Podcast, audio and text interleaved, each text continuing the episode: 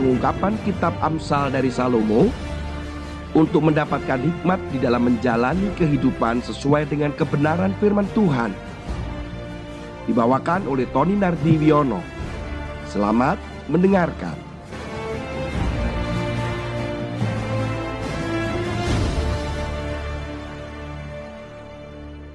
Shalom Bapak Ibu sekalian, kita masuk di dalam pembacaan firman Tuhan hari ini di dalam kitab Amsal pasal yang ke-15 dan 16. Demikian firman Tuhan, karena aku para raja memerintah dan para pembesar menetapkan keadilan.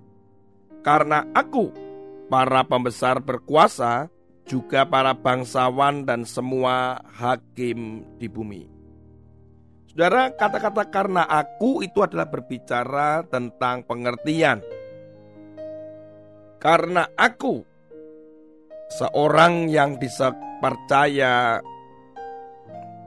karena aku orang itu bisa dipercaya untuk menjadi raja, menjadi hakim, menjadi pembesar, menjadi bangsawan.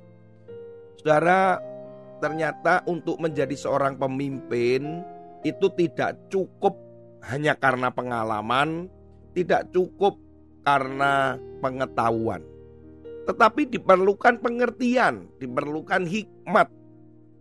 Ketika harus mengambil keputusan, mengatur segala sesuatu, memilih sesuatu. Tidak mudah ketika kita menjadi pemimpin. Tetapi percayalah bahwa ketika kita menjadi pemimpin itu artinya kita sedang dipercaya. Dan jangan berpikir bahwa saya bukan pemimpin Pak Tony. Karena saya cuma ibu rumah tangga. Saya bukan pemimpin. Karena saya cuma orang biasa. Saudara Memimpin itu setiap orang Itu sudah ditetapkan.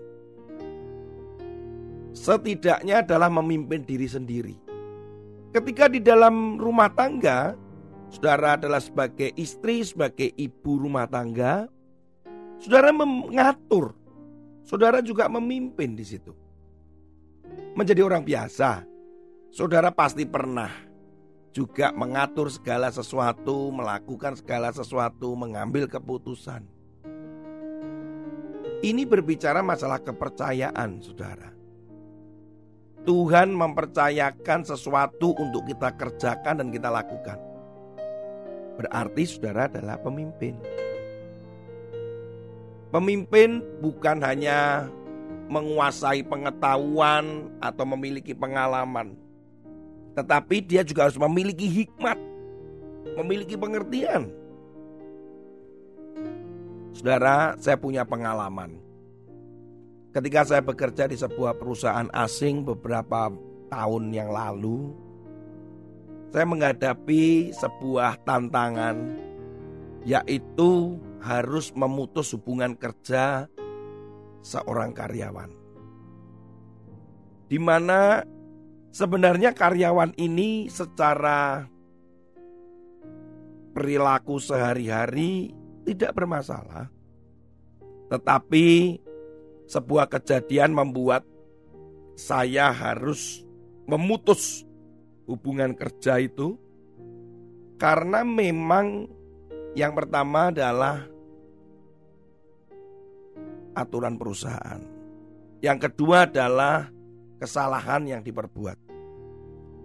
Si karyawan ini pada jam 3 pagi ketika sedang mengendarai forklift. Kemudian digoda oleh temannya, sementara dia sendiri merasa capek, merasa lelah. Kemudian dia datangi temannya yang menggoda dia dan temannya dipukul sampai tiga kali. Pertengkaran, perkelahian itu sanksi sesuai dengan aturan Undang-Undang Tenaga Kerja termasuk peraturan tenaga kerja atau peraturan perusahaan yang ada itu adalah PHK. Dia nangis saudara. Di hadapan saya dia nangis pagi itu. Dia bilang saya lelah pak, saya nggak sengaja, saya menyesal. Saudara, ketika saya harus memutuskan, sebetulnya mudah saja diputuskan langsung. Tetapi bagaimana harus menggunakan hikmat, bagaimana harus menggunakan pengertian itu, dan saya harus perlu Tuhan apa yang harus saya lakukan. Tuhan, bagaimana saya harus berbicara sementara aturan di perusahaan harus berjalan, tetapi kasih dan tidak ada luka hati. Kalau tidak ada pertolongan dari Tuhan dalam bentuk hikmat atau pengertian itu, mungkin akan menimbulkan banyak luka. Yang saya lakukan adalah ketika saya memutuskan hubungan kerja itu, saya mengatakan Bapak saya carikan kerja. Saya akan berikan referensi di mana yang setahu keseharian Bapak. Saudara, dia pergi dan dia meninggalkan perusahaan waktu itu dengan perasaan tenang, damai. Hal yang lain adalah sama karyawan yang tidak masuk tanpa kejelasan. Kemudian satu dua hari tidak ada tanda-tanda surat dokter ataupun pengajuan cuti. Saudara, kemudian pemanggilan dari perusahaan pertama, kemudian ditunggu beberapa hari pemanggilan yang kedua. Saudara, mestinya sudah langsung PHK kan? Pada panggilan ketiga atau bagaimana waktu itu. Tetapi saya mendatangi rumahnya. Sebenarnya apa yang terjadi? Ternyata dia pergi keluar kota dalam keadaan panik sementara dia dalam kondisi sakit. Dia nggak tahu harus bagaimana untuk menyembuhkan sakitnya. Saudara, ini diperlukan hikmat di dalam mengambil keputusan. Termasuk ketika orang-orang di sekitar kita berusaha memanipulasi atau berusaha untuk berbohong. Itu diperlukan pengertian hikmat, saudara. Saudara kasih dalam Tuhan, saudara adalah pemimpin itu. Di rumah tangga sebagai ibu rumah tangga, di rumah dan juga demikian pula saudara ketika berbisnis di mana saja, saudara sebagai karyawan, sebagai staf, saudara melayani Tuhan, itu berbicara kepercayaan. Gak cukup saudara punya kemampuan, saudara pemain musik misalkan.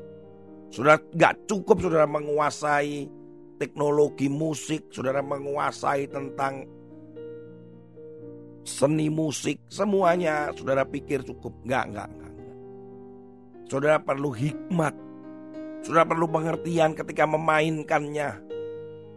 Ketika saudara adalah seorang arsitek yang menguasai ilmu bangunan, termasuk di dalam teknik sipilnya misalnya. Saudara, semua ilmu sudah digabungkan jadi satu, tapi bagaimana dan seperti terjadi sesuatu kita harus mempertimbangkan itu. Saya beberapa waktu lalu membaca sebuah kisah. Yaitu bagaimana ada gedung-gedung yang dibangun dengan dana ratusan miliar tetapi akhirnya tidak bisa digunakan. Bagaimana seorang konglomerat Hong Kong membangun sebuah gedung yang ada di Inggris. Kemudian dengan arsitek yang luar biasa, brilian.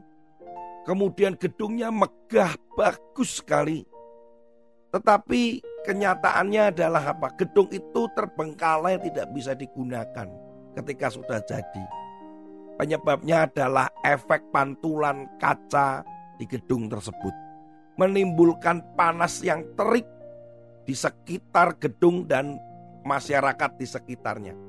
Sampai dipraktekkan bagaimana mereka dapat memasak telur itu di dekat gedung tersebut. Karena matahari yang memantul dari kaca itu membuat panas yang amat sangat. Bahkan mobil-mobil yang diparkir di bawahnya pun itu catnya sampai mengelupas. Saudara, akhirnya apa yang terjadi? Terbengkalai. Itu diperlukan hikmat, diperlukan pengertian. Ide boleh brilian. Ide bagus sekali. Orisinil katanya. Tetapi kalau tanpa pengertian, tanpa hikmat, artinya tanpa firman, tanpa tanya dengan Tuhan, maka semuanya bisa menjadi sia-sia. Saudara, ini bisa terjadi, ini baru gedung, belum dalam hidup kita masing-masing. Apa pun yang kita kerjakan.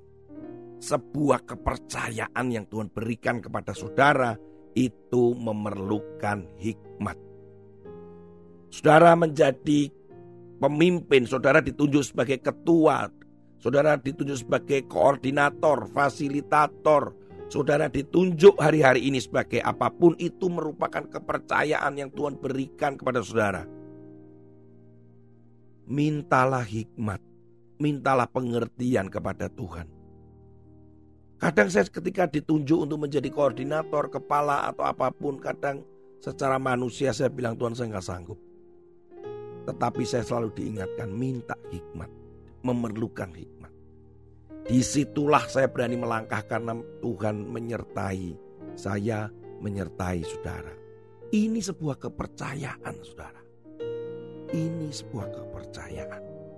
Sebuah kepercayaan dan lakukan dan mintalah pengertian hikmat itu. Firman itu menjadi dasar ketika engkau mengambil keputusan, ketika bertindak, ketika berucap, ketika memilih. Tuhan Yesus memberkati saudara dan biarkan semuanya itu untuk kemuliaan nama Tuhan. Haleluya. Amin.